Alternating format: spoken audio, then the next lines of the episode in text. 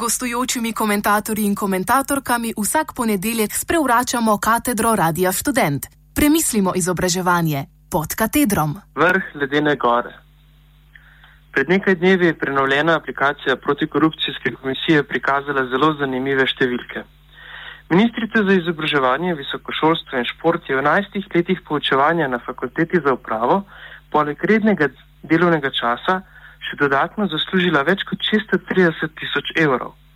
Številka je tako visoka, da je primerljiva z dohodki bankirjev v slabi banki ali pa menedžerjev, ki so zaslužili s privatizacijami in razprodajami. Postavi se vprašanje, kako je lahko zaslužila tako veliko denarja. Študentska organizacija je izračunala, da bi študent moral delati 69 let in pol, če upoštevamo poprečno urno postavko in delo za polni delovni čas, da bi prišel do zneska profesorice. Poprečna plača ministrice je 4800 evrov, kar pomeni, da bi potrebovala 11 let ministrovanja, da bi prišla do tega zneska. In to računam brez srednje plače profesorja. Zanimiva primerjava je zneskom Nobelove nagrade, ki znaša okoli milijona dolarjev in je, in je samo enkratni znesek za, za izjemni raziskovalni dosežek. Tako velik honorar je zaslužila, kot sama pravi, legalno, z razvojem fakultete in njeno uspešnostjo. Zelo pohvalno. Tudi slaba banka je zaslužila veliko denarja. Bankiri pravijo, da delujejo zakonito in transparentno v skladu z zakonom. Zagotovo so tudi kakšni slabi menedžeri, ki so iskali luknje v zakonu in mešetarili z denarjem. Menda so tudi profesori, ki služijo z dodatnimi SP in podjetji. Vedno več inštitutov je registriranih kot podjetji DOO-jev. V zagovor zasluženemu denarju smo slišali, da to ni bil javni denar, ampak od tržne dejavnosti. Ampak da bo nekaj jasno, pridobivanje denarja od evropskih projektov ni tržna dejavnost. Svetovanje državnim inštitucijam tudi ni tržna dejavnost tako kakor tudi pridobivanje denarja od, izredna, od izrednega študija tudi ni tržna dejavnost. Transformacija tržnih odnosov v javnih inštitucijah je posledica desetletja trajajočega razkroja, da bi univerza postala nekakšno uspešno podjetje. Notrni pravilniki meritokracije so tako nastavljeni, da se agenci znotraj institucije obnašajo tržno, vendar, kar, vendar to še ni tržna dejavnost. Podjetništvo znotraj univerze nima kaj početi, ker univerza že v svoji konstituciji je nasprotna tržnim mehanizmom. Namen univerze je izobraževanje in posredovanje znanja. Univerza bi morala biti inštitucija, ki ohranja avtonomijo in svobodo mišljenja.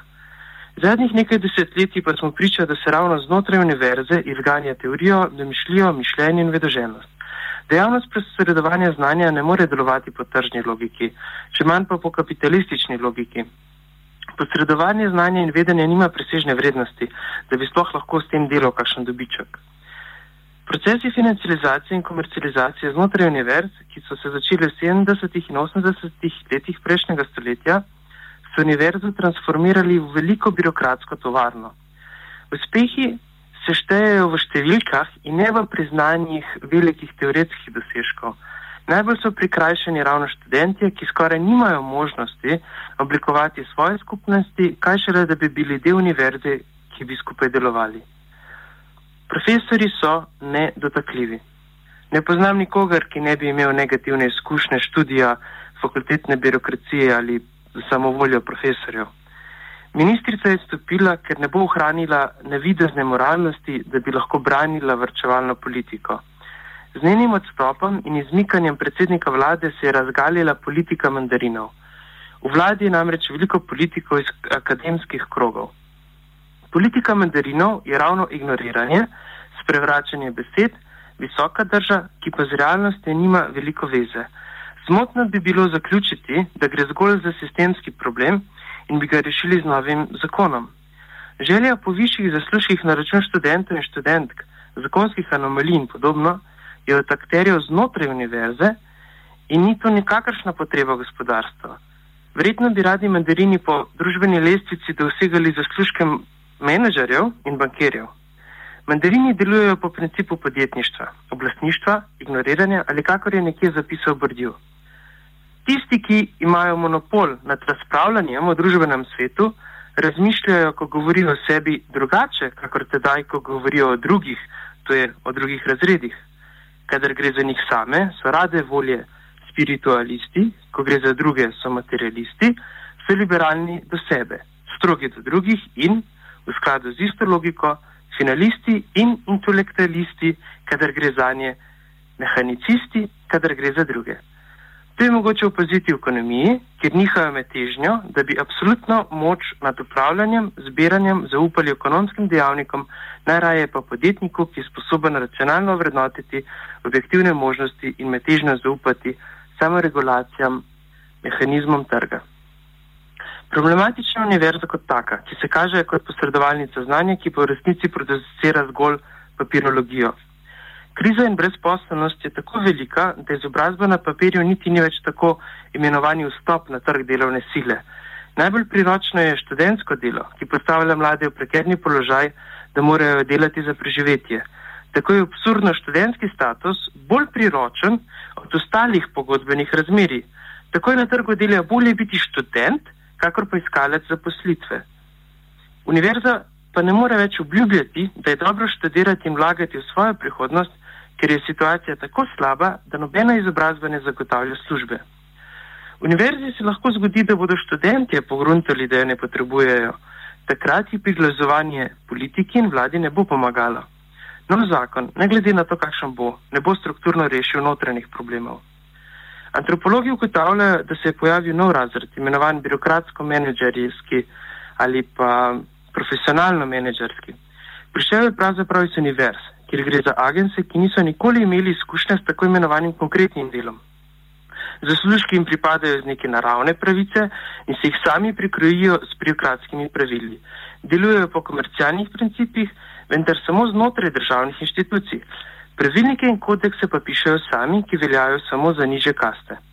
Tipičen primer so visoki dohodki profesorjev. Bi mogoče morala ministrica zaslužiti manj, da bi dobila podporo predsednika vlade? ali bi morala aplikacija biti objavljena predno je postala ministrica, da bi zadovoljila etičnim kriterijem Miro Cerarja. Ministrica ni bila pod svojim žarometom zaradi javnih podatkov, čeprav je izrazila, da je bila pribita na sramotilni odr.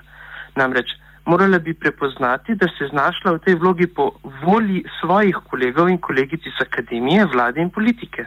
Kaj vse jim je javno zapovedati, bo še prišlo na dan. Ključni bodo glasovi tako znotraj kot zunaj univerze, študenti in visokošolski sindikati. Odstop ne bo prikril, ne razrešil problema. Vrčevanje in komercializacija visokega šolstva se ne obneseta in tudi visoko šolstvo ne more biti izolirano toček izven družbe, ki bi bil odstranjen od vseh kriz in tegob. Mora postati prostor, kjer se bo probleme lahko reševalo. Do tega pa je dolga pot. Komentar sem pripravil Miha Novak.